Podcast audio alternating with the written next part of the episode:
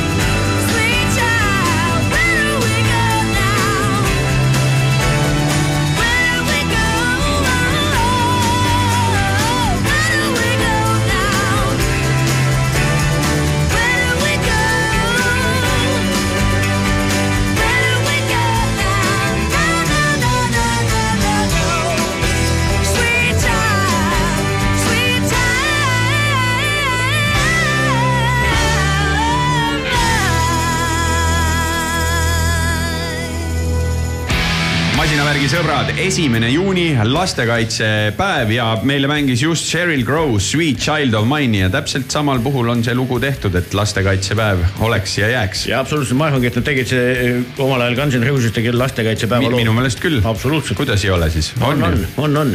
kuule, mis veel täna tulemas on saates? meil on väga palju motojuttu, sellepärast et Krossi klubi kuus, kaks, üks, kes korraldab kestvusmörina enduro võistlusi, siis meil äh, tuleb veel ju Imre motoklubi kolmekümne üheksast, kes teevad, ajavad motokultuuri ja heategevust ja toetavad ka lapsi läbi nende tegevuste. sina käisid Bemmi mootorrattaga sõitmas, aga muidugi ka mingisuguseid elektriautojutte Ristoga, Subaru Solterra proovisõit Risto ja Ranet käisid Mersu road trip'il äh, Soomes ja siis sina nägid ka ära selle ekstra kurja BMW linnamaasturi, mida Tallinnas uhkel XM esi, esi, esitleti.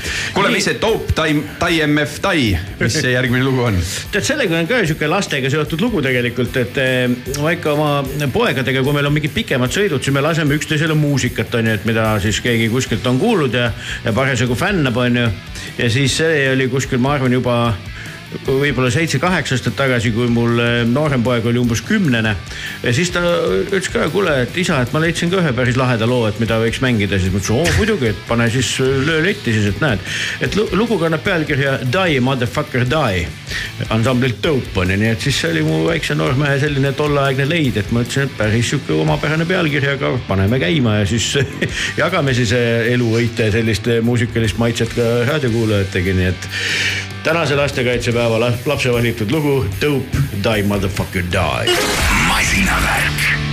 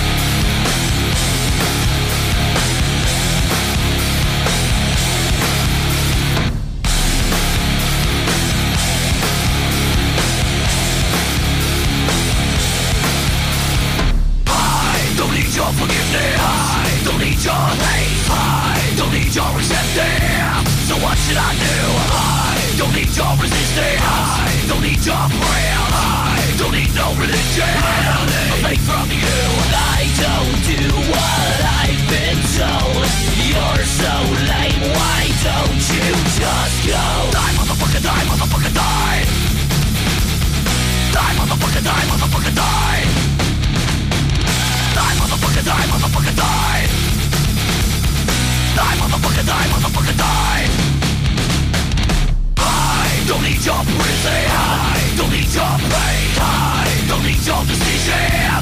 So what should I do? I don't need your approval. I don't need your hope. I don't need your religion. A thing from you. I'll be sorry when I'm old. You're so full of shit, man. Just go. Die, motherfucker, die, motherfucker, die. Die, motherfucker, die, motherfucker, die. Die, motherfucker, die, motherfucker, die. Die, motherfucker, die, motherfucker, die.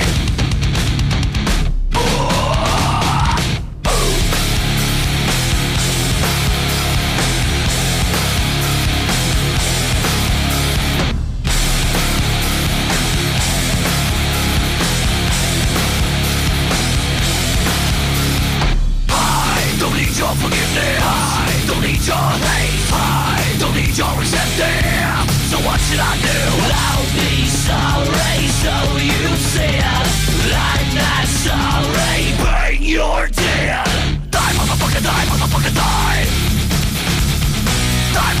Die, motherfucker, die, die. Motherfucker, die, motherfucker, die. Die, motherfucker, die, motherfucker. Die.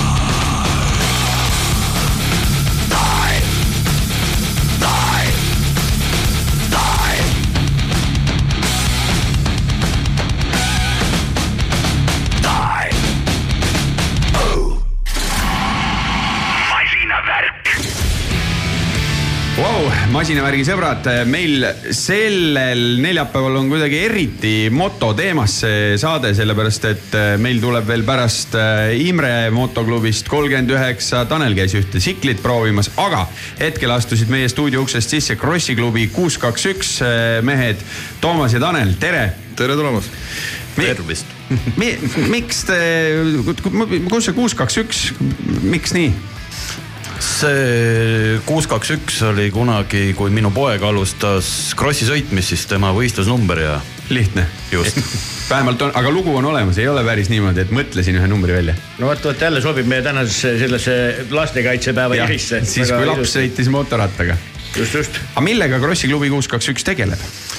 Krossi klubi kuus kaks üks tegeleb äh, nüüd peaasjalikult siis kestvus Krossi ürituste korraldamisega ja igasuguste muude siis motoürituste ja laste, lasteürituste korraldamisega, mis siis kõik on ikkagi seotud motoga kui me siin äh, lastekaitsepäeval esimeses juunis oleme, siis mis on need lasteüritused, mida lastele siis korraldatakse? No see aasta nüüd üle kahe aasta jälle tuleb traditsiooniline laste motopäev, mis nüüd on viiendat korda, kaks eelmist aastat koroona tõttu jäi vahele, nüüd saame uuesti selle hoo sisse lükata sellele üritusele, tegemist on vahva koguperepäevaga.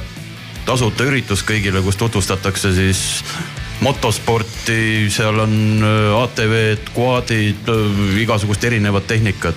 tsikliklubi lubas kohale tulla, tsikliklubi, klubi tuleb kohale. kiirabid, politseid, päästeametid saavad, näitavad oma tehnikaid, autosert teeb oma uhke koolituskeskuse uksed lahti, näitavad lastele seal vana rull masina pealt veel Nubagadi multikat.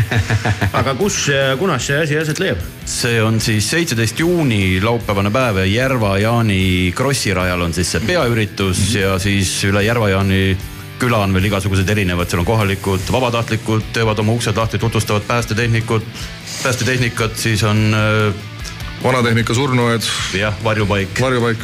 et see, see on seal avatud ja no tegemist on kogu päev ja kõik on ikkagi kuidagi moto ja tehnikaga. see on väga lahe, et sa seda välja tõid, see vanatehnika, jah, kuidas, ma ei teagi, kuidas seda õigem nimetada. Varjupaik, jah. Ja varjupaik, väga pull koht, et, et, et tegelikult noh, täpselt, kes tulevad, saavad kihvti elamuse osaliseks, kes ei ole veel seal käinud, on ju, et see on täitsa nagu omamoodi paik terves Eestis, nii et, et igal juhul väga-väga väärt ettevõtmine ja väga tore, et te seda. mulle meeldib veel see asi ühe, ühel vä- põhjusel. Kõik asjad ei pea toimuma Tallinnas või Tartus või Pärnus. ei, ei, väga hea, et, et noh, ega see on ju ka sihuke tegelikult suhteliselt nagu unustatud koht on ju, et ega sinna ju niisama, okei okay,, see varjupaik võib-olla ongi üks väheseid asju, miks sinna üldse nagu minna ju tegelikult on ju, seal ülemäära palju ju ei toimu, on ju. ja just ja, ja nagu öeldud, et see on kõikidele siis tasuta ja seal on võimalus super. siis lastel proovida erinevat mototehnikat sõita ja kohapeal on olemas ka siis ettevõte, kelle käest on võimalik ka soetada kasvõi sealsamas päeval kohapeal lapsele mingi väike sikkel või ATV. tegelikult ka loositakse välja üks. loositakse ja peaauhind siis on, on jah, elektri ATV, lisaks on seal veel hästi palju erinevaid auhindasid, mida lihtsalt loositakse kohalolijate vahel välja. kuidas üldse on äh, järelkasvu ja laste nii-öelda ütleme siis Krossi ja Enduroga, et kas meil eksisteerib äh, või kui palju eksisteerib üldse siukseid motoklubisid, kes lastega tegeleb, kas, kas seda jaksu üldse on? Neid mõned on selles mõttes ütleme, et ta kindlasti neid väiksemaid on päris palju, aga kes on nagu suures pildis, minu teada neid peale meie on veel kaks ehk äkki on kaks? jah. Aga kuidas see, kuidas see selles mõttes tänapäeval äh, välja näeb, et kunagi oli ju tore, kui motoklubidel olid oma mootorrattad, sai panna lapsed proovima, vaatasid, kelles on talenti rohkem, seda siis nagu kasvatasid edasi. täna on jäänud pigem mulje selliseks, et kui isal on raha, siis ostab mootorratta, isegi kui laps sõita ei taha, siis pannakse ja sunnitakse sõitma. no see on see nutune pool tegelikult, et kui sa vaatad nii-öelda, kuna ma oma tütrega käin ka tsikletrennis nii-öelda ja siis vaatad neid lapsi, kes sisuliselt pisar silmis sõidavad, isa karjub raja ääres, sa pead, sa pead. no kauaks sul seda motivatsiooni jätkub niimoodi. et aga nagu no meie poole pealt on jälle see, et kui me seda üritust teeme, et, et noh, alati nagu vanematel ka öelnud see, et las nad sõidavad, las nad pusivad, las nad saavad oma asjad kätte, no las läheb lihtsalt fun ima sinna rajale noh absoluutselt ja ma arvan ka, et, et tegelikult eh, noh, jah, see sundus, see kuidagi kõlab nii meelevaldselt, aga, aga ma olen täitsa veendunud, et kõik need, kes on eh, lapsena motospordiga kokku puutunud, et need on päriselus nagu paremad liiklejad. et tegelikult sa oma selle ikkagi need ajupoolkerad ja reaktsioonid paned nagu väga-väga hästi nagu tööle onju, et see on minu meelest ikka väga-väga tänuväärt, et sa ei peagi mingiks maailmameistriks tingimata tulema, aga just, et sa saad nagu selle nagu mootori tunnetuse kätte ükskõik millega sa pärast nagu liikleks, nii et, et mina küll väga kiidan seda kõike. noh, ja kui me tegelikult ütleme, siis ju selline motosport nii-öelda sellises hobiversioonis nagu meie seda teeme, see on ju täiesti väljasuure trend juba. et, et korraldatakse jah suuri klassivõistluseid, värke ja kõiki asju, aga, aga see, et, et just, et nagu meil on tulnud mitmed inimesed, kes on lihtsalt elavad ligiduses, kus me oleme sõitu teinud, tulevad võistlema, ütlevad, me kuulsime midagi toimub, mul oli masin garaažis, ma pole mitu aastat sõitnudki. tuleb kohale ja tal on näpud püsti pärast, on jumala õnnelik. Ja veel korra laste juurde tagasi tulles, et siis meie sarjas on ka see, et kõik lapsed eranditult, kes võistlevad, saavad nii-öelda auhinna ja väikse karika, et keegi ei lähe tühja käega ära, et me ikka katsume lastel seda motti ikka mõnusalt sees hoida. tead, me lähme kohe selle võistlussarja juurde pikemalt, aga kuulame siia vahele täitsa ühe, no nii uue loo jälle, kui uus üks lugu saab olla. ja kahekümne viiendal mail ilmus, see ei ole ka juhuslikult siia sattunud, see lugu, kuigi me oma saadetes väga tihti ei mängi sama bändi mitu korda. aga neid bände ka väga vähe, kes iga nädal uue loo välja annavad. ja üks nendest on siis Foo Fighters ja Show Me How on kahekümne viiendal mail ilmunud lugu ja miks ta on ka tänasesse päeva valitud. siin laulab Dave Grohl koos oma tütre Violetiga, nii et, et sihuke isa, isa ja tütre lugu on siis meie lastele pühendatud päevas. ja nagu Toomas ütles, siis isad ja tütred võivad ka Krossi raja ääres Muidugi. käia ja niimoodi, et mitte tütar ei vaata pealt, vaid isa vaatab pealt. kuulame lugu.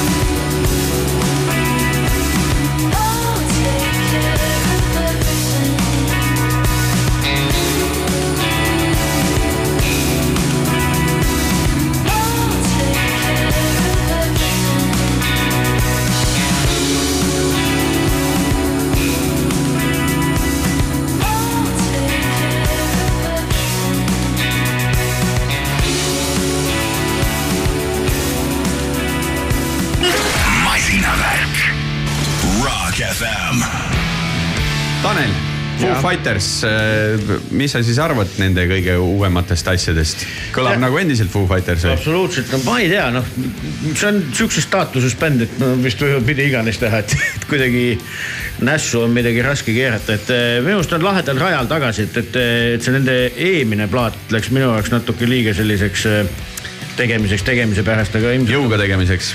ma ei tea, aga ilmselt on viga minus, et, et praegu tundub, et nad on väga kuidagi hea tuule peal, et, et ilmselt on ka see mingi moodus oma leina kuidagi välja elada, et, et kirjutada mussi onju.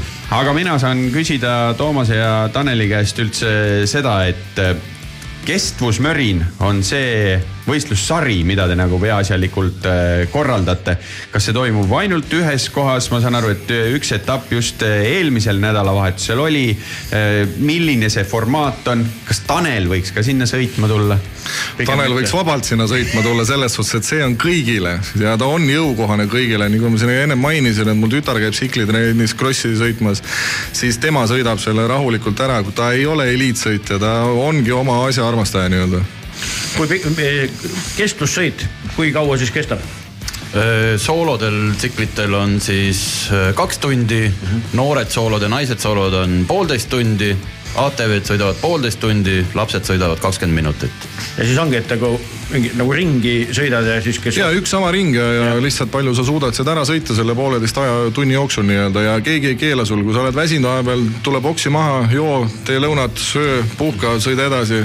kõik on täpselt nagu enda jõult välja tuleb ja, ja siis selles suhtes kõik need etapid nüüd sellel hooajal on kõik erinevatel radadel, et eelmised äh, hooajad, nüüd on see aasta on siis kestvusmüüri nagu viiendat hooaega käib, küll on nime vahepeal muutnud. aga, aga nüüd on ja kõik, kõik siis etapid on erinevatel kohtadel üle Eesti. okei okay,, aga lähimatest võid ju siin kohe märku anda, mis tulemas, millal on, kuidas see kalender üldse kestvusmörinal jookseb? kestvusmüürinal jookseb nüüd äh, järgmine etapp on meil viisteist juuli äh, ilmselt Läänemaal, siis on äh, üheksas september Järva-Jaanis ja siis on, kas oli kuues või oli üheksas detsember on siis viimane kuues etapp, meil on kuus etappi mm. -hmm. aga mis on, tuleb kõ- kõige sihuke magusam kirst torsil see aasta teeme kaheteist, oli vist kaksteist äkki? kaksteist aug-, jah, kaksteist august teeme Ida-Virumaal seal mõnusas kummituslinnas Viivikonnas oh, oh, teeme siukse vägeva, vägeva ürituse, kus äh, sõidavad läbi vana kultuurimaja ja kooli ja paneelmajad, et no sinna tuleb veel vahe, vahele ka nii-öelda mingeid üllatusmomente, mis rajale tekivad, aga noh, sellest nagu päris detailideni välja ei lähe, et muidu ei ole uudis. see tuleb mega ja meil on olemas ka tegelikult siin meie oma Krossi klubi lehe peal on ka kaks siukest diiselõrritusvideot. juba otsisin ühe silme Jaa. ette endale. et neid on kaks tükki, et seal on siis siukene jah, väiksed kaks, kaks nagu siuke klippi diiseriga, et, et on nagu natukene saab aimdust, et mis tulemas on. kestvus.com on see lehekülg, kus siis saab infot või? kõige sihuke kiirem info tuleb ikkagi Facebookis on meil okay. omal Krossi klubi kuus, kaks, üks. okei, okei.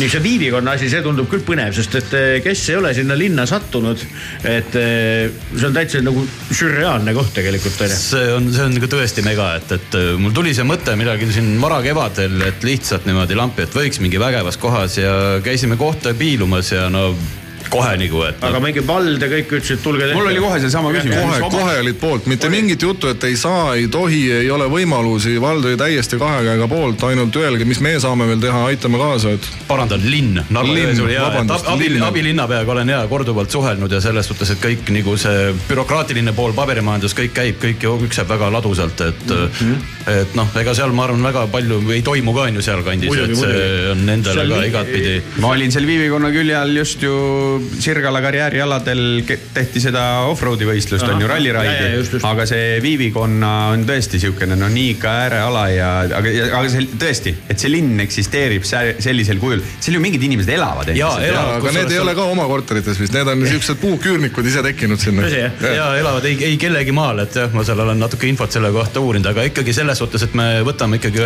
ka siis nii-öelda neid kohalikke arvesse, et ei, ei sõida neist nii-öelda üle, et teeme igatpidi, igatpidi koostööd, et aga tõesti elu käib seal ja kaks täitsa sihukest kena majakest isegi oli seal, et no aga neid elanikke on, ma ei tea, ühe käe näppudel sellest ikkagi, neid ei ole mingit tohutult seal. ei, ei, ei, ei. terve see linn on ikka ju tühi põhimõtteliselt onju, et, et ja väga-väga veider rohkem, ma olen siin pildistamas käinud kunagi, et seal noh, saadki siukseid inimtühjasid võtte, võ- nagu kohti nagu nii palju kui kulub.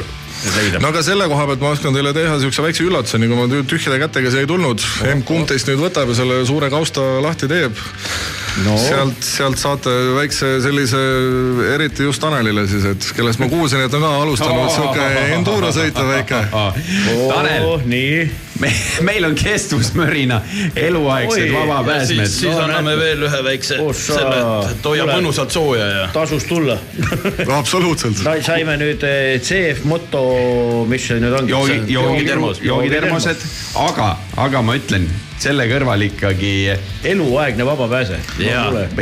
Et oled sa siis stardis võistlejana või oled sa seal siiamaani, kuigi me peame selle kaasa võtma jah Jaa. selle lamineeritud A4-ga minu, lähed. minu on see või, võistlussportlase karjäär lõppes katkestamisega. eelmine kord, eelmine kord, aga Tanel. nüüd, teha nüüd. on põhjus uuesti tulla proovida. absoluutselt.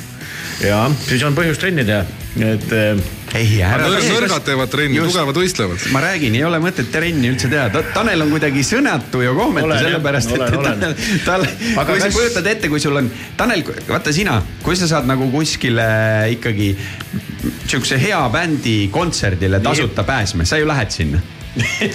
ma käin ka hea bändi kontserdil tasu eest hea meelega., aga kui sa saad nüüd hea motosündmuse vaba pääsmehe eluks ajaks, sa no, ei saa ju ei pigem öelda nagu, see on pigem nagu kompliment, mitte see et tasuta on, vaid et- okei, et- okei. no muidugi Raikar on iseennast maha kammata, ega sa saad ka sinna rajale tulla. ma juba vaatasin Aga- aga... seda, ma mõtlen seda kaheteistkümnenda augusti peale. ma küsin eh, täitsa praktilise küsimuse, et kas on ka võistlusklassid on nagu selles mõttes, et eh, mingi kuidagi ja passimehed on eraldi arvestuses. no selle koha pealt on niimoodi, et kui sa nüüd soologa tuled, siis sa ise hindad ennast ära, kuhu sa kirja paned, kas sa lähed nüüd pro-klassi sõitma, oled sa hobisõitja, oled sa veterani poole peal, nii-öelda noh, sa ikkagi. veteran passimees. kas see, minu küsimus oli pigem isegi nagu asjalik seekord, et kas see mingi kubatuuri mingi piirang või midagi on ka või sõidab millega pähe tuleb? mitu liitrit sul seal raami vahel on? kakssada viiskümmend. kuupsentimeetrit. ega ei ole kubaturil väga vahet. seal ei ole vahet, et, et ja, et ta on sihuke väike tavaline neljataktiline, nii et selles mõttes jah. No aga see sobib ju meil sinna. see sobib väga hästi. Okei. et siis on, siis on rõõm selles suhtes, ma arvan, me võime kohe siin kokku leppida, et mõlemaid teid me näeme siis kaksteist august Viivikonna stardis, eks ole. annavad mehed sõna? no mina panin tegelikult endale kalendrisse selle kirja, ei saa täpselt veel aru, mis siin. millele alla kirjutasid? millele alla kirjutasin, aga eks me siis ajakava ja kõik selgub käigu pealt noh. ja, ja Jah. ütleme sihuke jaanipäeva, peale jaanipäeva paar päeva, et siis avalikustame kogu selle Viivikonna siis äh, ürituse ajakava ja kõik nagu täpsemad asjad mm, -hmm. et siis tuleb samamoodi sihuke vägev video. vaatan, et mul on õhtul Raplas esinemine, et siis oleks paras ennast seal niimoodi sodiks tõmmata hommikul päeval. Ei, käed käed läbi võtta teiega, aga ei muidugi. aga õhtuks on emotsioonid head vähemalt absoluutselt. ja saad ju sellest äh, esinemise ajal, teil ei pea siis solist vaata midagi lobisema, sa räägid lugude äh, nii-öelda loo pausidel Jah., räägid hoopis motosündmusest. lihtsalt jutustad neid. jah, jutustad, mis sul päeval, päeval toimus. pagan, see Viivikonna uudis on küll nagu lahe, et minu meelest on nagu nii kihvt, et nagu, et, et, et, et teha. mina olen hoopis kade, ma olen kogu aeg mõelnud, et seal peaks tegema midagi. no vot ja nüüd tulid mingid mehed ja teevad ära. ma ei ole mõelnud tsikli asja, ma olen mõelnud, et seal peaks ühe mingi siukse ägeda filmimise tead, neid seal ikka korraldama tehakse, ei tehakse, tehakse, muidugi tehakse. aga see, et sa kuskil jah, tõesti, seal eh, läbi kultuurimaja sõidad. unustad nii-öelda endise kultuurimaja. jah, et unustatud paika elu sisse tood, et vot see on minu meelest selline väga-väga tänuväärt tegemine, nii et. aga ütleme, meil täna isegi just oli siin Taneliga ajasime ühe kohaliku asju, kuna meil viimane sõit oli nüüd Pahklas, siis täna saime siukse huvitava kõne ühe kohaliku käest, kes küsis alguses suht niimoodi ärritunult, et kas teil üldse luba oli seda teha mm. -hmm. ma ilusti vastasin, meil on kõik kohaliku omavalitsuse load, kõik on olemas, värgid ja siis noh, rahunes nagu maha, läks sõbralikumaks ja siis ütles, et teine mure on veel see, et kui te veel teete, andke varem teada, teeme reklaami, et kohalikud ka teaks. okei, no väga õige tähelepanek, eks ole. Plakati tuleb lihtsalt ülesse panna. Pahkla on ka väga hea kant. olen seal äh, mootorrattaga kulgemas käinud. eelmine kevad sina ei käinud meie sõidul või, maikuus Äh,? ei käinud, ei käinud jah. sealt me sõitsime sealt Pahkla kandist suurte mat- matkakatega läbi, oota, me sõitsime. Ida-Virumaalt ju sügisel ka läbi ju tegelikult sealt alt. me tulime sealt altpoolt tulime jah, altpoolt, me tulime altpoolt, me nii kõrgele jõudsime. Aidusse. ja me sinna Pahkla serva ei läinud, aga vii- ja, ja Viivikonna jäi meil ka puutumata. Ida-Virumaa üks äge kant tegelikult. Tasub, tasub äh, minna ikkagi suvel ükskõik mis minge Viivikonda igale poole mingi hetk. tulge kohale, nautige elu. aga Krossi klubi kuus, kaks, üks Facebooki lehel saate nende sündmustega kursis olla ja nüüd Royal Blood Mountains at midnight. ja bänd pole ka tükk aega midagi teinud ja nüüd siis tuli uue looga, kuulame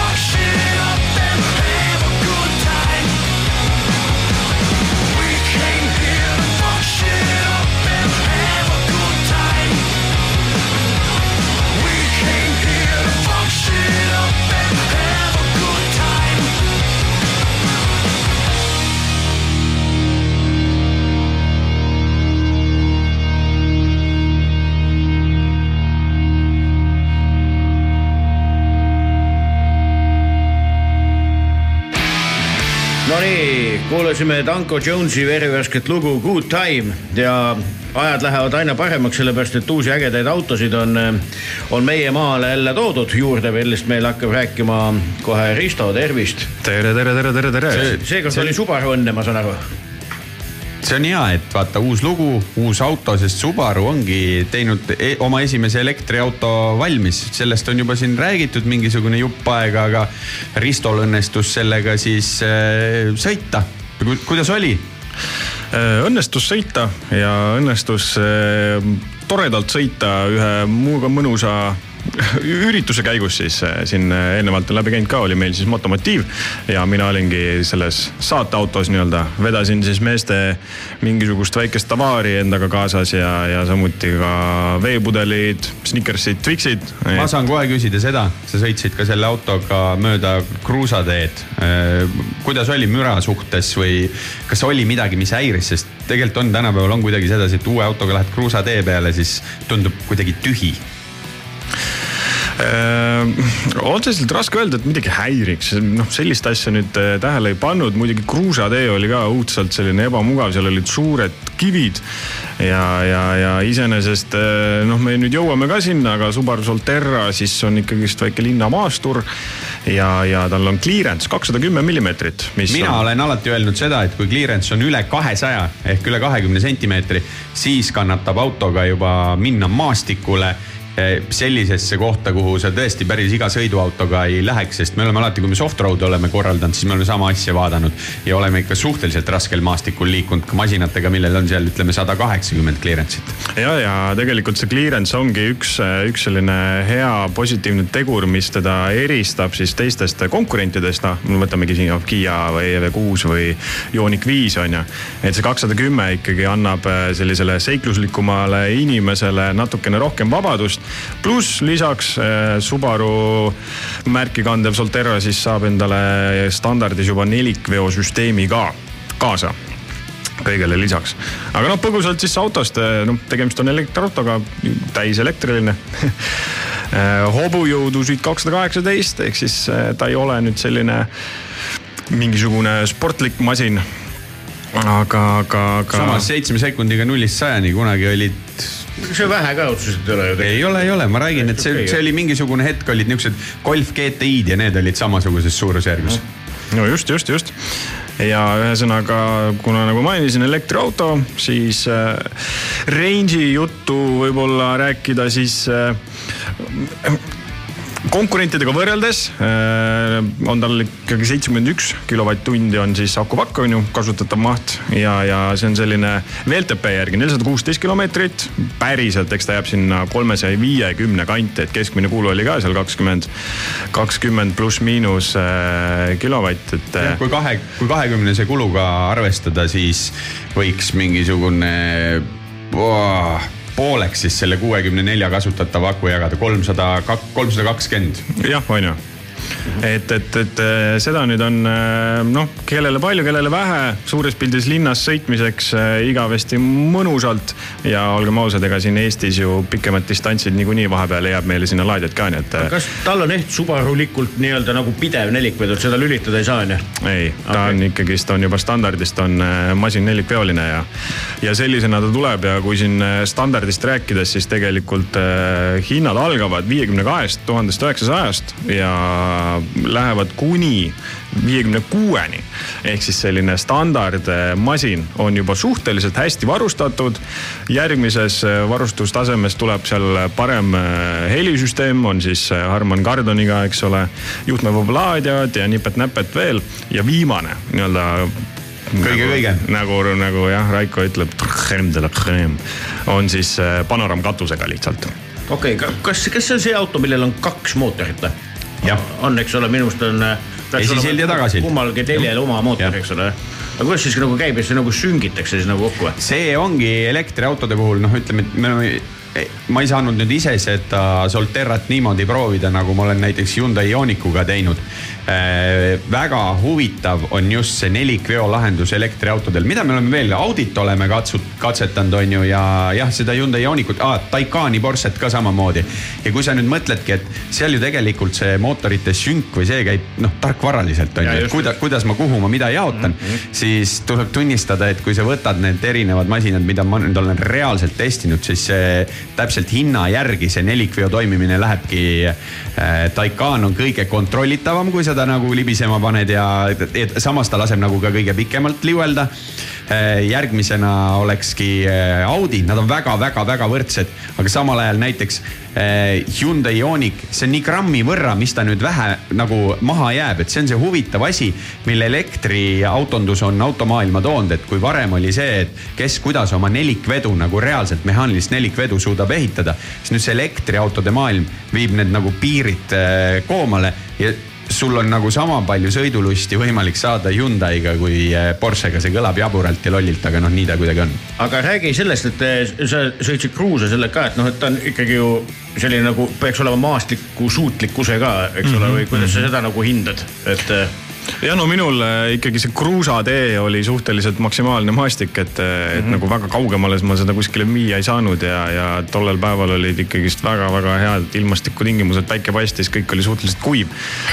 et, et jah, päris, äh, tal on siis režiimid ka, et äh, neid sisse ei saanud panna, seal on X-mode ja on siis lumi ja muda ja veel järgmine aste siis on veel sügav lumi ja sügav muda. ehk ta arvestab, nii palju kui ma selle kohta lugesin, siis ta ongi erinevate režiimidega, siis jaotab nende kahe erineva mootori vahel seda. just, et, et, et ei ole enam see, eks ole, nagu vanasti, noh, vanasti siiamaani, eks ole, on tavaliselt see suhe, eks ole, nagu öeldud on ju.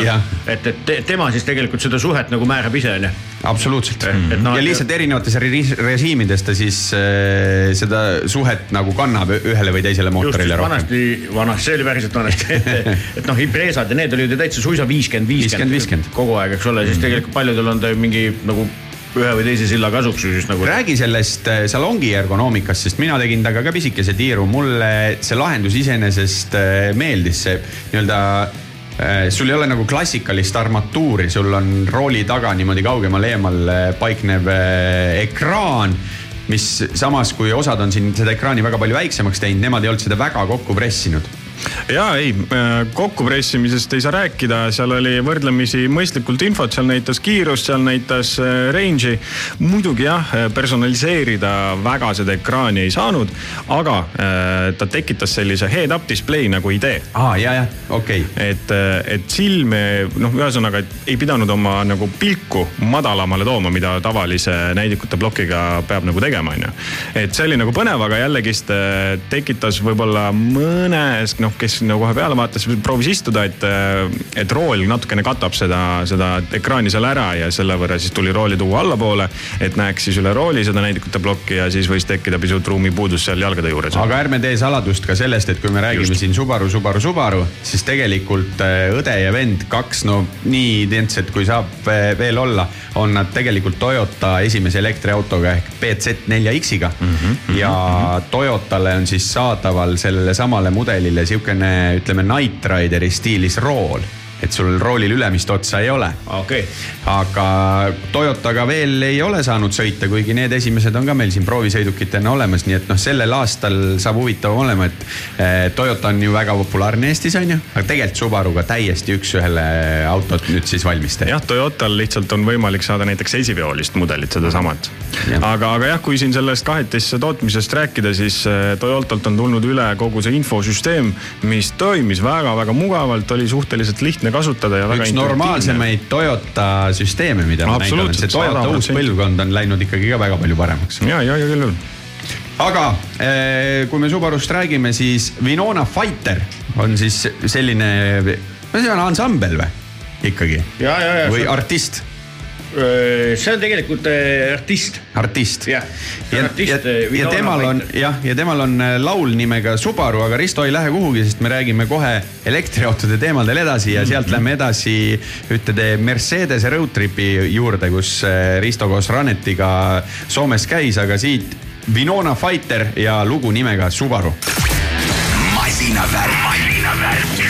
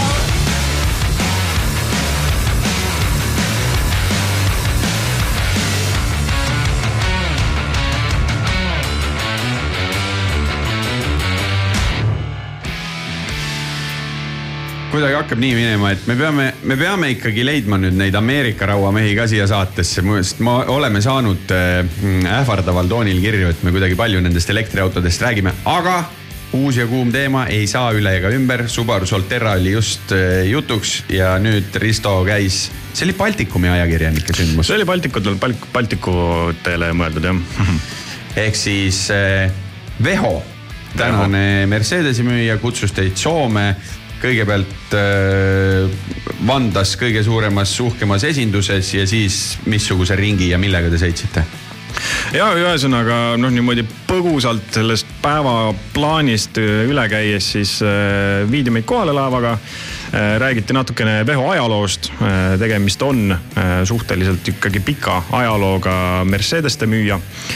Näidati natukene suurt esindust, mis oli tõesti suur ja mis seal salata, väga palju oli uusi elektriautosid seal müügis. Aga edasi, ühesõnaga paigutatigi meid kahekesi autodesse ja, ja esimese päeva tiir tuli sinna kolmesaja kilomeetri ringi, jõudsime lõpuks otsapidi Jyvaskylasse. Järgmise päeva hommikul äh, alustasime sealt siis sõitu, sõitsime lõunapausiks Ace Cafe'sse äh, ehk siis Soome mootorrattamuuseumisse. tegime seal väikse, ühesõnaga. on lahtis, seal me oleme Taneliga mõlemad käinud. see on väga, väga äge koht, et soovitame jätkuvalt kõigile, kes sinna kanti on. Nüüd on Risto ka seal käinud. jah, ei tore koht, sulle meeldis? See oli, see oli vinge, absoluutselt, ei olnud varem äh, sellist skeene nagu kogunemiskohta näinud ja et oli samal ajal Soomes oli vaba päev. ehk siis järjest käis ikkagi erinevad motoklubid oma salkadega seal ees, et, et, et oli nagu väga-väga lahe seda ikkagi päris nagu igapäevast toimetamist ka näha. aga sõime jah musta burgerit, nii et väga see vinge on. väga, see on, see on täiesti legendaarne, mille pärast seal käiakse, see Jah. must burger. Võtsime isegi, seal on õues niisugune äge terrass ka, nii et, et igal juhul väga-väga väärt sissepõige, et need so Soomet tasub avastada. ja, ja praegu oli seal siis Java näitus, et Aa. nad iga-aastaselt siis vahetavad näitusi ja praegu sai seal erinevatest generatsioonidest, põlvkondadest erilisi Javasid näha seal eesruumis. ja edasi, ega jõudsimegi tagasi sinna Avanta esindusse ja, ja õhtul saadeti laeva peale. Ehk siis kahe, kahepäevane reis. kahepäevane reis aga sa ei, nüüd ei täpsustanudki, et millega sa sõitsid? ja nüüd jõuamegi sinna Ahah, siis vot.. põhimõtteliselt noh, nagu, nagu Raiko siis sisse juba juhatas, elektriautodest me ei pääse ja ka Mercedesel äh, on see tulevik. mudeli valikus oli meil E EQE, EQS ja nende mõlema mudeliühendi siis SUV äh, mudelid veel juures ehk siis äh, maasturversioonid. EQS SUV ja EQE SUV. EQE SUV oli siis täielikult ikkagi uudismudel, seda meil veel Eestis hetkel pole ja, ja meil õnnestus siis ikkagi sellised esimesed esmamuljed nagu kätte saada. kuulge, kui me Mercedestest üldse räägime ja võtame ette, et eelmise aasta Eesti auto nominendid Eesti autogalal, siis ju Mercedesel olid ju EQB, EQE, EQS ehk et neil tuli neid korraga väga palju elektrilisi autosid ja nüüd on siis need eh, nii-öelda maasturversioonid eh, põhimõtteliselt ka sellest Eesti S-ist kõigist olemas on ju. jah, no me oleme ka rääkinud ka sellest, et ega Mercedes-Benz praegu oma mudeli valikuna ikkagi on elektriautode mudeli rivis vist top üks ühesõnaga, et kõige rohkem elektriautosid on neil nagu mudeli rivis. aga ühesõnaga proovid oli meil seal ikkagist äh, suhteliselt äh, kaunikesed masinad. EQE-d olid AMG versioonid nelikümmend kolm ja viiskümmend kolm, mille ikkagi kiirendused, kiirendusnumbrid siin on nelja sekundi juures. siis mugavuse poole pealt EQS-id olid viissada kaheksakümmend neli maatikut näiteks ja, ja EQS suvid samamoodi on ju kõige-kõige nagu võimsamate mootoritega ja ütleme nii, et see varustustasemed ei olnud ka nendel autodel halvad. kõigil olid, EQS-idest räägin siis, olid hyperscreen'id, see, mis Mercedese maailmas see tähendab seda pooleteist meetrist ekraani või? just, just, just. Pluss siis äh, tagaistmel kõiksugused mugavused äh,, mõnel mudelil massaažid. et, et ühtepidi, kuna Soomes ikkagist on väga palju kiirusekaameraid ja kõike muud, meil oli pool maad oli sellist väiksemate teede peal sõitmist ja kiirusepiirangutest kinnihoidmist, siis äh, ma ütlen noh, paremat kohta kus nagu rahulikku sõitu nautida pole olemas kui Mercedes-Benzi EQS SUV tagaiste et noh, see oli ikkagi täielik äh, suurepärane nauding ja kogemus, et, et noh, mida ma seal natukene siis jälgisin, oligi see, et kui mugav mul nagu arvutis äh, tööd teha seal tagaistmel, et, et no ütleme, põlveruum nagu ei olnud probleemi. Ega need ongi ju autod, kus eh, tekib teinekord jabur olukord, kui me siin ise ka proovisõidus käime, et vaatad ja mõtled, et no ma, on, roolis on hea olla, aga kurat, seal taga on ikka nii hea olla, noh. nagu ikka nii hea olla ja no palju Eestis on äh, inimesi, kes omavad endale autojuhti.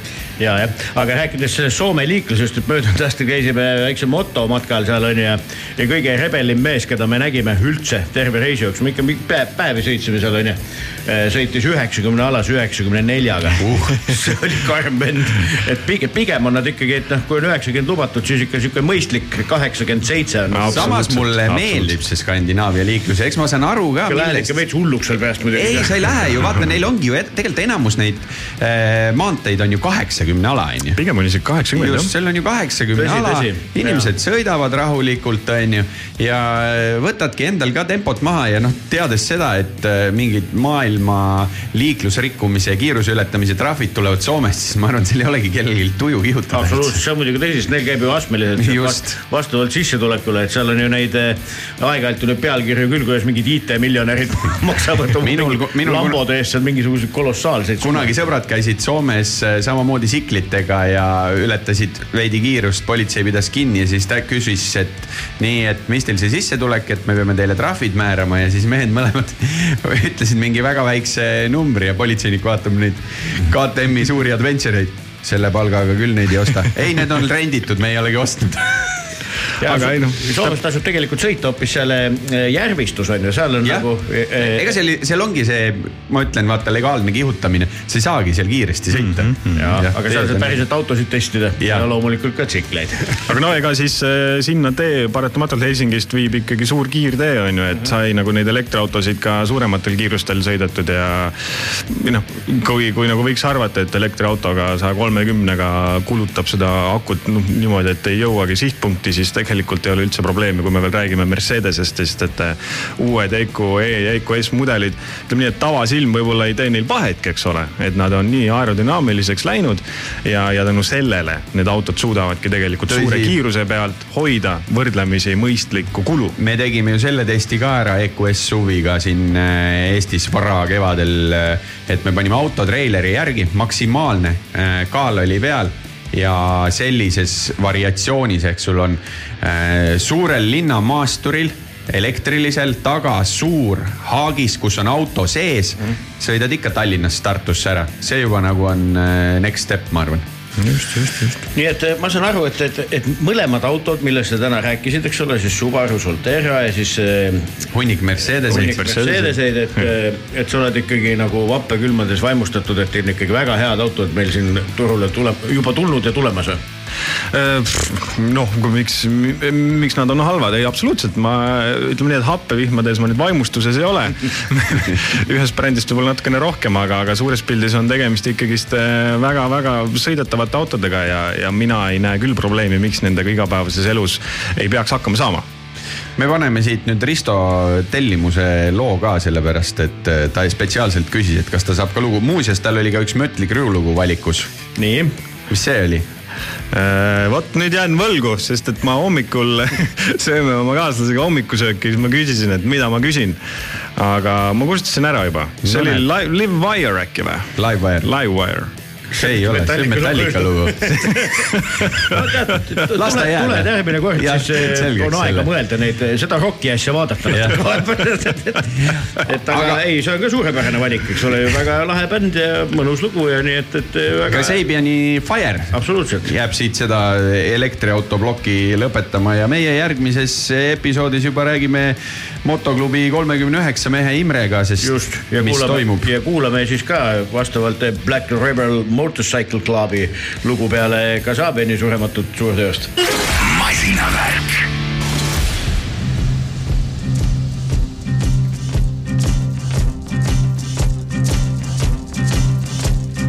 Take me into the night. I'm an easy lover. Take me into the fight. I'm an easy brother. I'm on fire.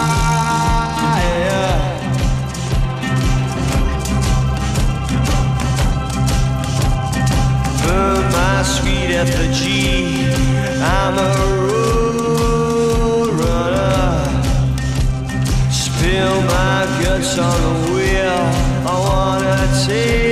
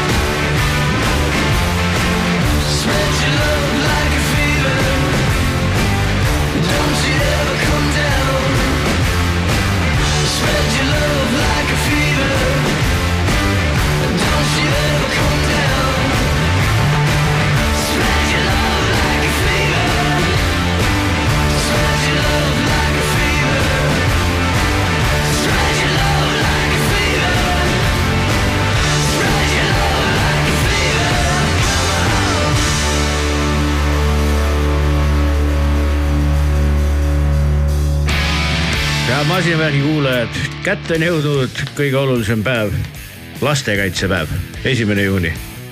ja sellest me kohe rääkima hakkamegi ja ei kellegi muu kui Imre Tiidoga, motoklubi kolmkümmend üheksa au, uhkuse ja südametunnistusega. tervist, Imre, et mis seob teie klubi lastega? tere. juba neljandat korda sellel aastal siis püüame lastefondi toetada läbi heategevussõidu. ehk siis äh, neli aastat tagasi, kui klubi sai kahekümne aastaseks äh,, mõtlesime, et teeks midagi stambivälist, et, et mitte tavaline rock n roll, et teeks midagi teistsugust. ja mõtlesime, et äh, korraldaks ühe heategevussõidu otsisime endale eh, toetajad, otsisime endale suuna, kutsusime sõbrad sõitma ja kogusime raha.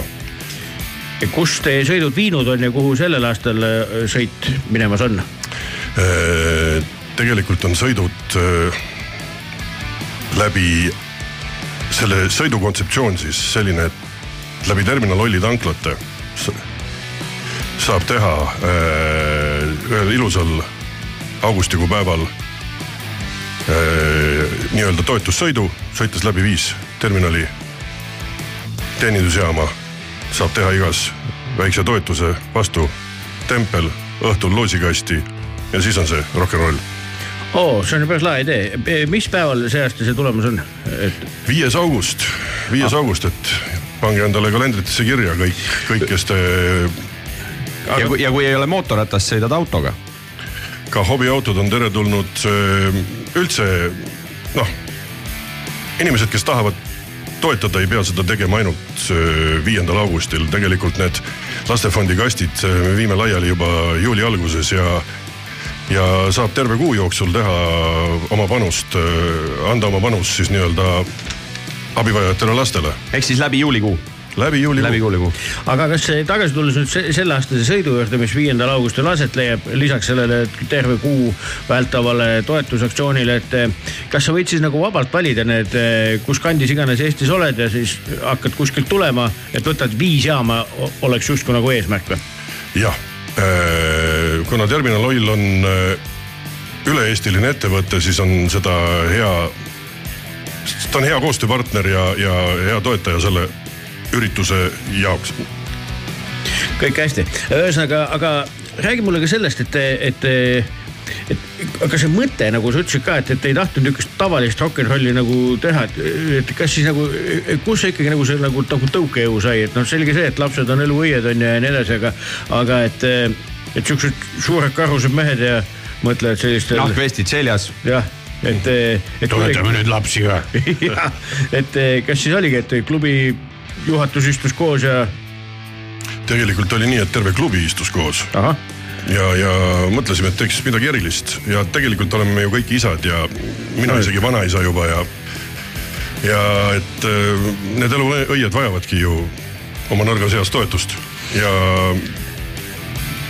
me oleme tegelikult me oleme tegelikult äh, valinud ise ka alati äh, konkreetse suuna igale nii-öelda siis igale aastasele sõidule, mida me konkreetselt äh, toetame, oleme välja valinud erinevad lastefondi, lastefondi poolt välja pakutud äh, meetmed ja siis sinna konkreetsesse me seda raha siis nii-öelda kogumegi või selle sõiduga kogumegi. varem on ta läinud äh, lühinägevusele, ta on läinud insuliinipumpade tarvis, aga nüüd sellel aastal no tegelikult tahtsime jätkata insuliinipumpadega, aga tänu headele inimestele insuliinipumpade asi sai äh, nii-öelda toetusfondi juurest maha sest et nad leidsid püsiva lahendi sellele asjale, et Ah, kõik super. lapsed saavad, see on super. sellel aastal otsustasime raviprillide toetuseks koguda raha ja raviprillid on selline asi, et Eestis on üle saja lapse aastas umbes, kes vajavad neid äh, raviprille, mõni isegi mitu korda aastas vahetada ja enamasti on tegu suurperedega ja kui on äh, nägemispuue ühel lapsel, siis kahjuks on see ka nii-öelda geneetiliselt ka teisel lapsel võimalik. ja need suurpered öö, kahtlemata iga raviprill maksab sada eurot ja sellest üheksakümmend maksab lastefond kinni, et, et äh, ma, mul hea meel suurperesid toetada, eriti veel selles kontekstis, mis meil täna siin riigi tasandil nende toetustega toimub absoluutselt, ei väga-väga tänuväärt see kõik, nii et, et eh, saan ma õigesti aru, et, et kui nüüd selleaastane sõit, eks ole, ongi siis eh, kogutakse raha raviprillide soetamiseks ne, ne, neile, kes neid Väikelastele. vaja, väikelastele, jah, jah. ja see ju tundub nihuke, kui need numbrid nagu kõrvutada, siis nihuke väga-väga realistlik plaan kõik on ju. eelmisel aastal me kogusime ah, alustame algusest peale, et juubelisõiduga esimesel aastal, kui me kakskümmend aastat, esimest korda, kui me kakskümmend aastat juubelit siis tegime. Esimese sõidu kogusime kolm tuhat üheksasada eurot, niisugune sümboolne ilus number ka.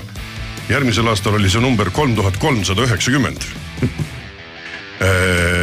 viimasel aastal kogusime seitse tuhat seitsesada üheksakümmend. kaks korda, eelmiste aastate summa liideti kokku ja pandi kontole peaaegu. no nüüd peale seda, seda saadet peaks ikka kolmkümmend üheksa tuhat olema see number, ma arvan. imeilus oleks, sellega saaks päris mitu aastat neid raviprille, just raviprille aga see mehaanika või see tegelikult see loogika minu meelest on nagu nii hea või kuidagi nii terve ja nii, nii teostatav, et, et lihtsalt tuleb, ma arvan, väga-väga hästi seda kommunikeerida, onju, et, et ikkagi motohuvilised emale sellise ägeda päeva suudaks nagu pundiviisi või miks mitte kasvõi üksinda tekitada, et, et, et see on väga-väga lahe mõte. palju terminal oli tanklaid umbes olla võiks? meie listis tuleb neliteist tanklat, nii et, et äh, tegelikult on võimalik see info saada ka FB lehelt kätte üsna varsti kõikide nende tanklakaardite ja asjadega Okei. ja, ja alustad kasvõi äh, Jõhvist Ida-Virumaalt ja sõidad Tartu poole ja sul jäävad tee peale igasugused äh, tanklad aga sa ütlesid, seal õhtu ikkagi kulmineerib. klubimajas. klubimajas. Tartus, Tartus klubimajas mm. -hmm. Tartus klubimajas, kus me siis loosime välja erinevaid auhindu. Terminal Oil on meie noh, nõndanimetatud või suursponsor või siis selle ürituse peatoetaja mm. -hmm tema paneb välja esikolmikule kütusekaardid, mille meile lisame erinevate toitlustusasutuste, majutusasutuste, moto- ja tehnikapoodide kingitusi veel juurde, nii et, et eh, kui arvestades, et, et umbes kolmsada ratturit sõidab, siis see võiduvõimalus on oluliselt suurem kui müügalotoga. hea tegevuslik loterii võiks ka Jaa. nii võib ka nii öelda, onju ja samal ajal saad tegeleda sellega, mis sulle meeldib, kütad läbi ilusa Eestimaa, eeldatavasti siis kahel rattal. kuule, aga kuulame vahepeal ühte sinu lemmikut ka ja siis lähme klubi tegemise jutuga edasi, et ta on valinud sellise ikkagi võiks öelda, et viiskümmend aastat motomehi rõõmustanud loo, mis kannab nime La Grange ja esitajaks on ZZ Top, et miks just see lugu? ühel ilusal päeval küsis üks sõber mu käest, mis minu lemmiklugu on, ma ei suutnud välja mõelda midagi rohkem kui selle, nii et see ongi kogu vastus. väga hea vastus, kuulame ZZ Topi ja siis jätkame MC kolmekümne üheksa tegemistega.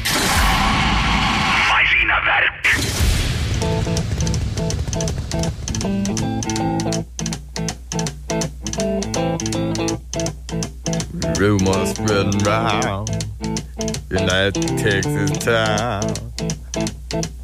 About the shack outside game.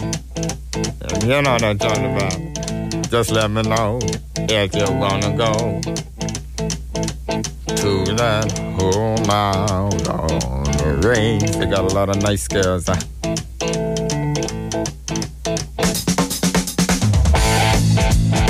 I'm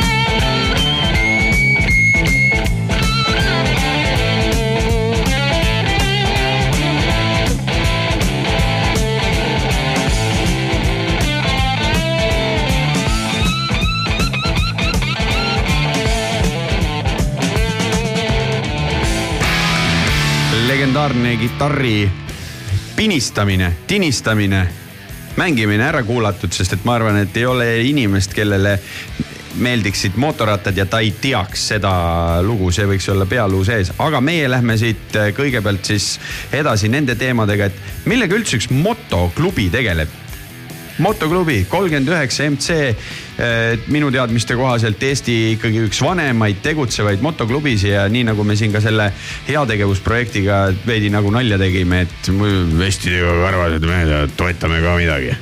nii tegelikult ju ei ole kõigil on, või noh, mis kõigil, osadel inimestel nagu siukene vaatavad, need vestimehed jälle tulevad, need on need hirmsad vennad. jah, jah, jah, jah ma ei, oska midagi- ma ei oska midagi öelda. oleme küll hirmsad mehed, loomulikult. ma ei oska sellele, sellele küsimusele nagu, et millega me tegeleme, see on motoentusiastidest sõpruskond, kes öö, omab ühiseid huve ja, ja, ja ühist vaatenurka elule aga mis, mis sind üld- üldse niisuguse motonduse juurde tuli ja millal sa nagu klubiga liitusid ja mis sinu sihuke mototee on?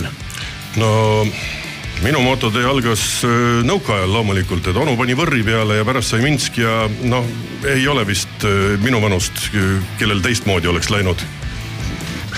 ja, ja siis tuli Java ja Isplaneta Sport, vot see oli vägev vill, seal oli Jaapani Mikuni karbuss oli peal Wow. wow., see läks edasi nagu hull mm. -hmm. Aga siis tuli tükk tühja maad, sest et tuli kroon ja tuli vaesus ja nagu ikka see meie see Eesti aja algus oli, et ei saanud endale lubada. Ja siis kahe tuhandete alguses ma hakkasin uuesti, hakkasin siis sul oli uuesti. üks äge chopper, ma tean, mida ma nägin, mida ma nägin üht, ühtedele, kas ta sel ajal kandis nime äkki Rauda Kesko võis see Jaa. ettevõte olla või mingi eelkäija tal ka, ka raudtee ja no ka ja siis, kui oli siuksed pühalikud suvepäevad, kõik tuli niuke, oh lähme suvepäevadele, siis tuli üks mees, juba kaugelt kuulsid, et tuleb suur nahkmantel oli seljas ja tõmbas chopperiga kohale, oligi. Ma ei, ma ei mäleta, mis ametit sa seal nagu pidasid, aga, aga igal juhul eristusid teistest nii, et, et siis me veel ei tundnud, aga meelde sa mulle jäid. Äh,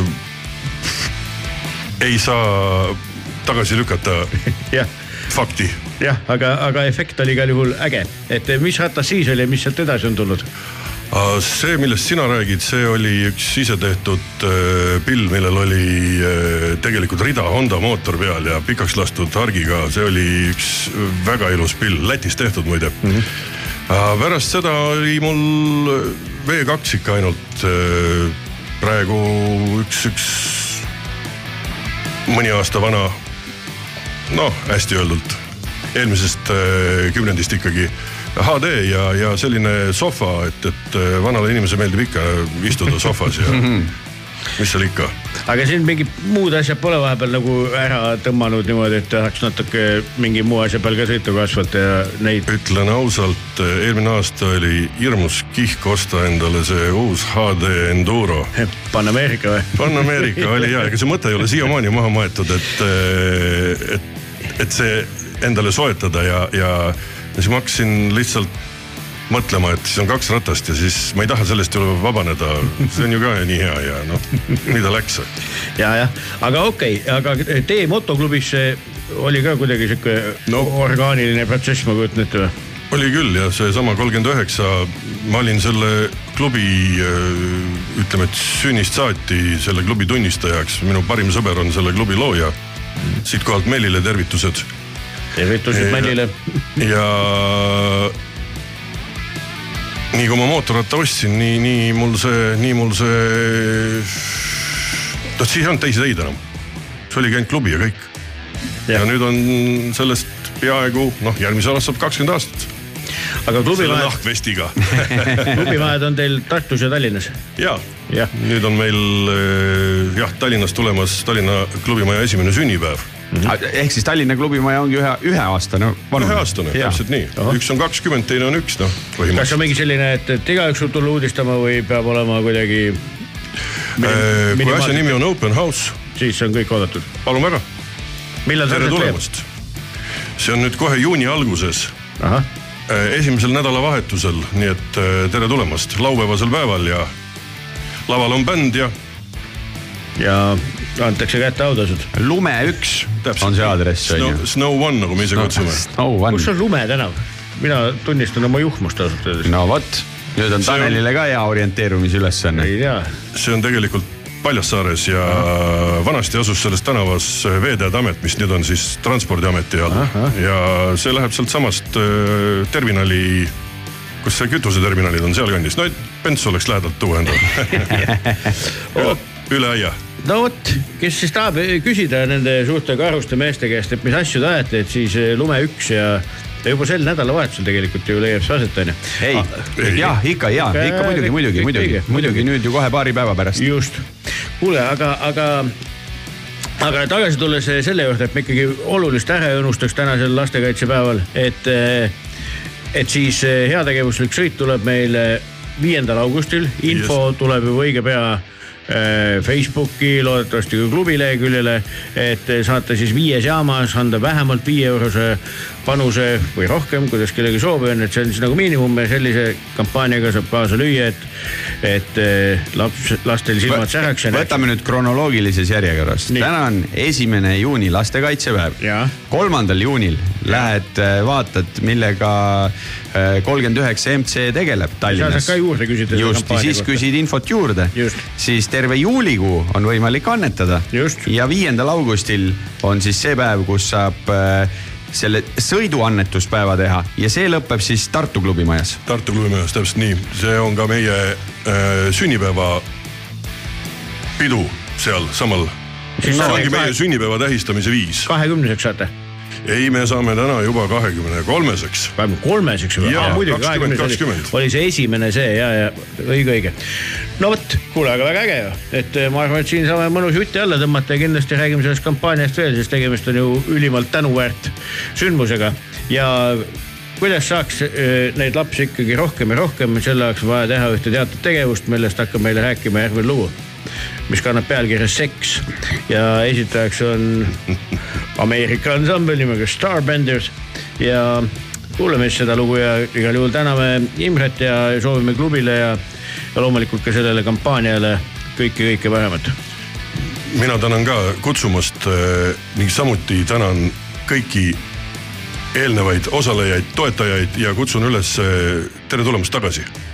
teeme, teeme head edasi teeme head, kuulame järgmist lugu, see on ka hea. masinavärk.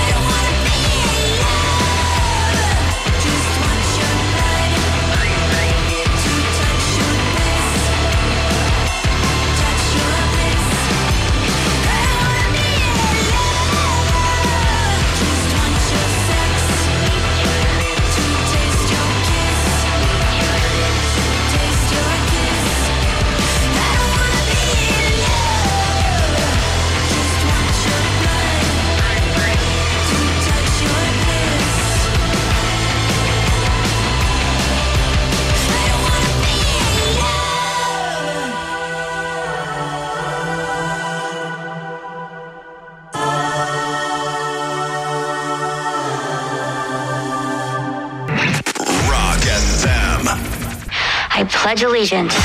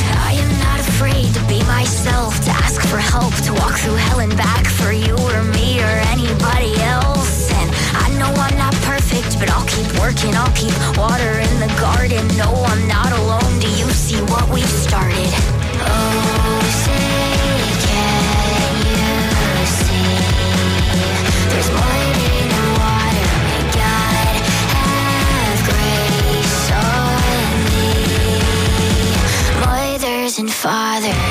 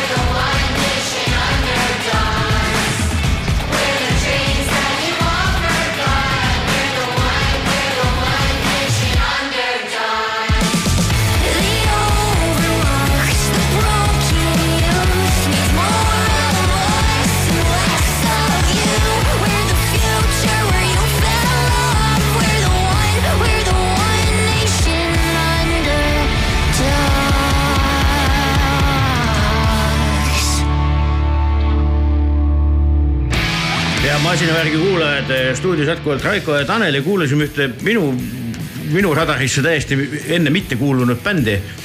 Royal and the Serpent oli selleks esitajaks ja lugu kandis pealkirja One Nation Underdogs. see on kuidagi väga-väga omapärane lugu ja väga niisuguse ägeda tekstiga ja sihuke peaks vist enne valimisi uuesti laskma seda lugu, et, et ikka puid said alla kõik ja ilmselt asja eest on ju, nii et, et jälgige seda, seda bändi, väga soovitan, et minu viimase aja üks kihvtimaid avastusi igal juhul. minul on hoopis küsimus, et kas see mootorratas, millega sõitmas käisid, oli ka underdog või? ei, see oli igavesti, igavesti äge ratas, et eh, harva on sihuke tunne, mul, mul on vahest mõne pilliga olnud sihuke tunne, et, et ma tean, et ma kunagi saan selle et, et sa saadadki siukse asja nagu, nagu, nagu kuskile universumisse ja selle tsikliga ma olen hästi ammu nagu mõelnud, et ma tahaks seda proovida, sest ma tean mitut inimest, kes eh, omavad seda ja on väga-väga õnnelikud ja. BMW K tuhat kuussada. just nimelt. kaugele sõitmise mootorratas. see on kaugele sõitmise mootorratas ja mina, kes ma mõtlen õudusega näiteks, et kui peaks sõitma, ma ei tea, Poola või midagi nihukest ja ma olengi üldiselt kuidagi suutnud oma elu niimoodi elada, et ma ei ole seda teinud kunagi et, et sõita lihtsalt mööda mingit nüridat teed, onju. ja vot see ratas on selle jaoks, kohe oli siuke tunne, et tahaks Varssavisse kirjutada. kas Honda Goldwingiga oled sõitnud? olen kusjuures jah. võrdleks neid? natuke ju tegi ju BMW selle mõttega, et see peaks kuidagi konkureerima kuskilt otsast ja. ma arvan, et pigem on need mõlemad brändid on teinud selle selle jaoks, et suurte ameeriklastega hoopis konkureerida. ma arvan, et pigem on nad nagu ikka USA turu jaoks need asjad nagu suuresti sihtinud. kuigi, kuigi ega kui sa Euroopas ju vaatad neid autobaane, siis seal, seal on ikka palju tegelikult. on, on. meil, ma arvan, on ta selline noh, kahel põhjusel ilmselt äh, ebapopulaarne ratas, et esiteks on muidugi hind on ju, et äh, ei ole kindlasti odavama otsa odavama otsa pilliga tegu ja noh, teine asi, tõesti, et noh, et, et noh, ka kõige pikem maa on Eestis selline, et naer tuleb peale onju, et, et. et, et võib-olla jah, ja no niimoodi igapäevases linnakasutuses noh, ta kaalub kolmsada viiskümmend kilo ja ta on päris suur, aga, aga jällegi ta on sihuke, ta käitub nagu paik ta käitub selles mõttes nagu paika onju, et ta on ikkagi liimib ennast nagu maanteel ikka väga-väga, tal on kõik see kaalujaotus ja, ja, ja see teel püsivus on nagu megalt hea noh. ma pean hoopis äh, küsima selle kohta, et väidetavalt nüüd siis äh, see mudeli uuendus, mis kaks tuhat kakskümmend kaks tuli mm, -hmm. on toonud sinna värvilise ekraani, kuhu on Ja. integreeritud navi. tõsi. see, mida GS-il ei ole. absoluutselt jah, ja see on äh, kogu see displeindus ja see on tõesti väga-väga hea. tal on see BEM-i äpp, eks ole, millega sa kohe kõik oma telefoni sisu võid sinna ekraanile kuvada onju, nii et, et, et ta on äh, tõesti hästi selline kasutajasõbralik ja, ja aga äh, minu jaoks tegelikult ikkagi see inseneeria võidukäik algas ikkagi sellest äh, rida kuus äh, kuuesilindriline mootor endal, eks ole, ja, ja, ja, ja noh, see käib nagu kell, sõna otseses mõttes nagu kell, nagu kellavärk on ju. et ta on nii täpne, käigukast on ka nagu super täpne on ju, et, et eh, noh, see on nagu sihuke lust on sõita sellega, et täiesti noh, ta käib nagu, nagu siidjalt võiks öelda, et, et ja see pani mind nagu tõsiselt vaimustuma on ju. ja kui sa, kui, kui, kui ongi, kui võrrelda näiteks eh, suurte harrikatega või, või sellesama Goldwingi kohta, mille küsisid, kusjuures ma ei tea, kas nüüd on see parandatud, Goldwingil muideks oli viis käiku, mis on kuidagi ajuvaba siukse pika, pikamaa ratta puhul on ju, võib-olla nüüd on kuuene kast tulnud, aga siis, kui see uus Goldwing tuli on ju, mida ka praegu müüakse, siis see oli jah, et, et seal kuidagi noh, ma ei tea kuidagi veider oli, et kui peaks nagu valima, siis mul ei oleks kahtlustki, et mit- mit- sekundikski ja tore asi oli ka see, kui rääkida Goldwingist, et, et kahe tuhande kuuesajal on ka tagurpidi käik, mis oli väga jah, mida ongi väga vähestel, mida ongi Goldwing, mina tean. jah ja., ma ka rohkem ei tea tegelikult. aga kas ta oli ikkagi jälle mingi elektrimootori pealt või sa tead, kuidas see on lahendatud? See on elektrimootori pealt, sest see on nagu toredalt, et sa vajutad selle R-i sisse onju ja siis sa starteri nupuga tegelikult sõidad. et ta ei olegi nagu käsi gaasi all onju ja. ja ta on siukse hea viitega, et noh, põhimõtteliselt, et ta on kuidagi nii targalt nagu tehtud onju. just nimelt selle nupu all hoidmisega, et, et see noh ta ei rebi sind nagu koha pealt ära kuskil sodiks sõitmiseks onju, nii et, et äh, kihvt ratas, tõesti, mulle väga meeldis see ratas. aga mul on küsimus, sa käisid seal BMW salongis eh, veel ühel põhjusel, et samal ajal kui mina olin kuskil Lõuna-Eestis Mercedestega sõitmas, siis eh, sina käisid vaatamas BMW, ma ei tea, kõige-kõigemat ultimate super luksuri maasturit XM, mis siis on Käisin X- veidi alla seitsmesaja viiekümne hobujõu või? Kuussada viiskümmend hobujõudu on ta, kui täpne olla. ma, ma, ma leian, et seitsesada nelikümmend kaheksa. seitsesada nelikümmend kaheksa või? äkki see on kuussada viiskümmend kilovatti või? viissada viiskümmend kilovatti. okei, okei, okei, no vot. no eks see on niisugune algaja autoajakirjanik käib esitlustel.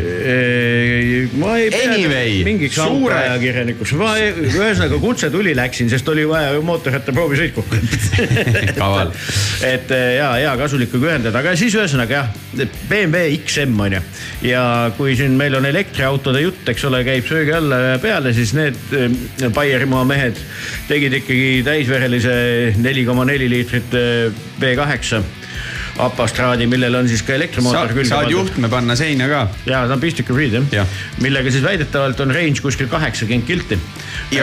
Millega saab sõita. ja see suur tank läheb nullist sajani kolm koma kaheksa sekundit. kuule, jõudsin ikkagi andmeteni nelisada kaheksakümmend kilovatti ja kuussada viiskümmend hobujõudu. on, on, kuidas sul mingid teised andmed on? mul on paremad andmed. okei okay., ja nullist sajani neli koma kolm sekki, et. ma nüüd täpsustan või? see, mida mina siin vaatan, on label red. Ja seda veel ei ole tulnud kusjuures. Eestisse ja noh, mõlemal oli õigus, Mõlemal- kõik on ära lahendatud. okei okay,, noh ja ongi twin turbo on ju ja, ja nii edasi, nii edasi.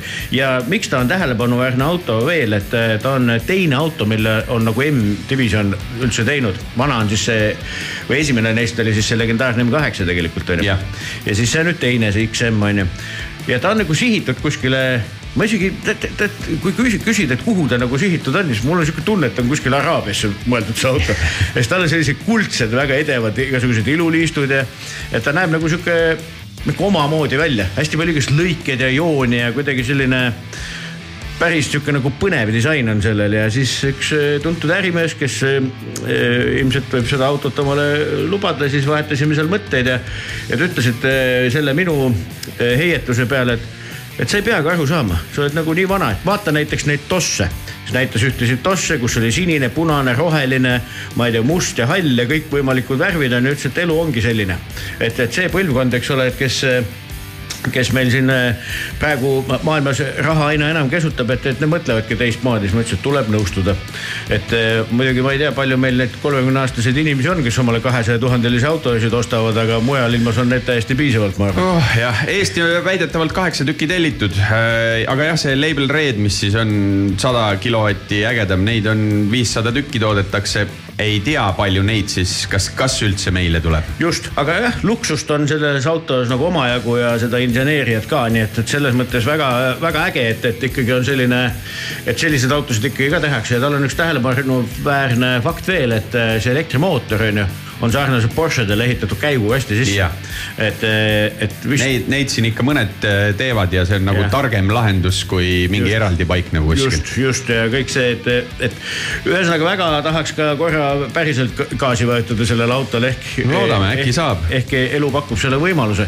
aga jah, et, et minge vaadake, et, et kuhu siis autotööstus areneb, et on salongis kenasti väljas ja, ja et eh, visake pilk peale, kui, kui Inchcape'i asja on, nii et, et, et selline BMW päev siis oli, oli, oli ühel ja teisel juhul ja kenasti esitleti ja tüdrukud tantsisid üks mängis viiulit ja noh, nagu ikka need autoesitused käivad. ma küsin nüüd seda, et sa oled pannud siia järgmiseks loo, kus on lõputu hulk esitajaid. ja sellepärast, et tänasel päeval on ka meil üks ju sünnipäevalaps. Nii.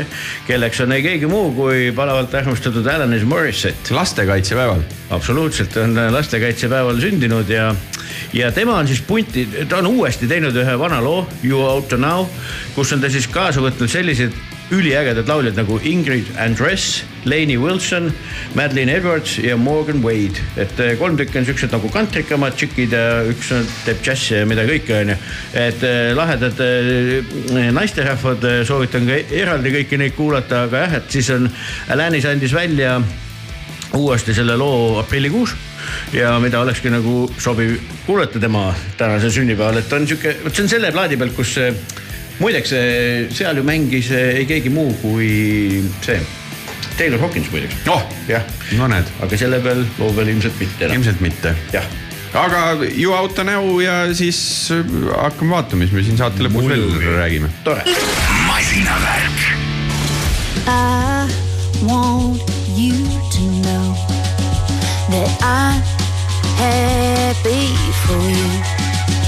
And I wish nothing but the best for you both. An older version of me, is she perverted like me? Would she go down on you in a theater? Does she speak eloquently? And will she have your baby? I'm sure she'd make a the that that we made wasn't able to make it enough for you to be open wide. No. And every time you speak her name, does she know how you told me, hold me until you died, till you died?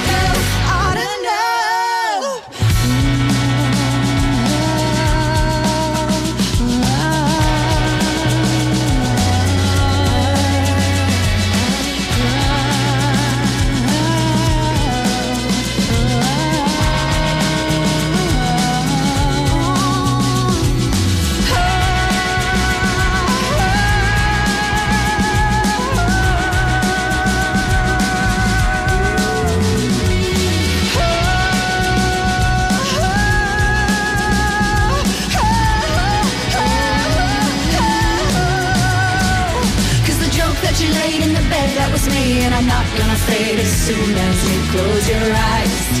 And you know it. And every time I scratch my nails down someone else's back, I hope you feel it. Yeah, can you feel it? Well,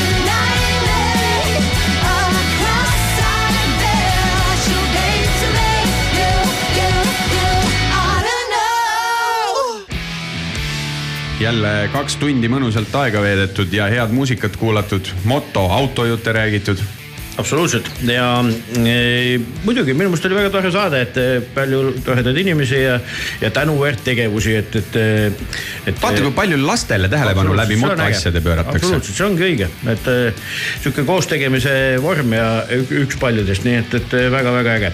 kuule, lõppu laseme ühte tegelikult ikkagi läbi aegade ühte võimsamat e, naislauljat, kes pani stiiliüleselt mida iganes, on ju, mis laulu laulda vaja oli, seda ka proua Tiina Tööner meile ka ju pakkus pikkade aastate vältel, et eh, oleme siia lõppu pannud eh, minu arvates ühe ägedama Bondi loo, mis eales tehtud on. no neid on veel, neid on veel. laseme neid teisi siis. laseme neid teisi järgmistel kordadel, sest et ma võiks siit, ma ütlen, Chris Cornell, Duran Duran, ahhaa. Ja, ja just. muidugi, muidugi. aga Jack ikkagi. White. ja, ja, ja, et aga eh, rokikamaid asju panemegi, oh, see on hea plaan. et eh, laseme neid eh, saadete lõpus rokikamaid Bondi lugusid ja see on nagu hu- huvitav, vaata, kus inimesed nagu ootavad uut eh, nagu seeriat alati pikisilmi onju. et ja kõik ootavad ka seda muusikat. Seda laulu oodatakse, seda laulu oodatakse. Kes esitab, kes esitab onju ja kas on parem et see on nagu huvitav fenomen onju, midagi. ma arvan, sellest kahekümne neljast laulust on ka väga palju selliseid laule, mida ma oma muusikalisti ei pane mitte kunagi. jah, nii on, aga see lugu kahtlemata on, ma arvan, iga Bondi ja muusikasõbra listis olemas, et meie tänast saadet peab lõpetama igihaljas, võib nii ikkagi öelda, Tiina Turneri Golden Eye. ja need, kellel vähekenegi ei ole homseks ehk reede õhtuks plaane tehtud, siis tulge allikateele masinavärgi garaaži juurde, meil on seal DJ Paul Oja ja Quest ja Food Truck ja joriseme mõnusat, autojuttu saab seal ka ajada. lahe. võib-olla tuleb ka seesama lugu esitusele. miks mitte noh, kuule, aga mõnusat teil lastekaitsepäeva jätku siis kõigile Tšau,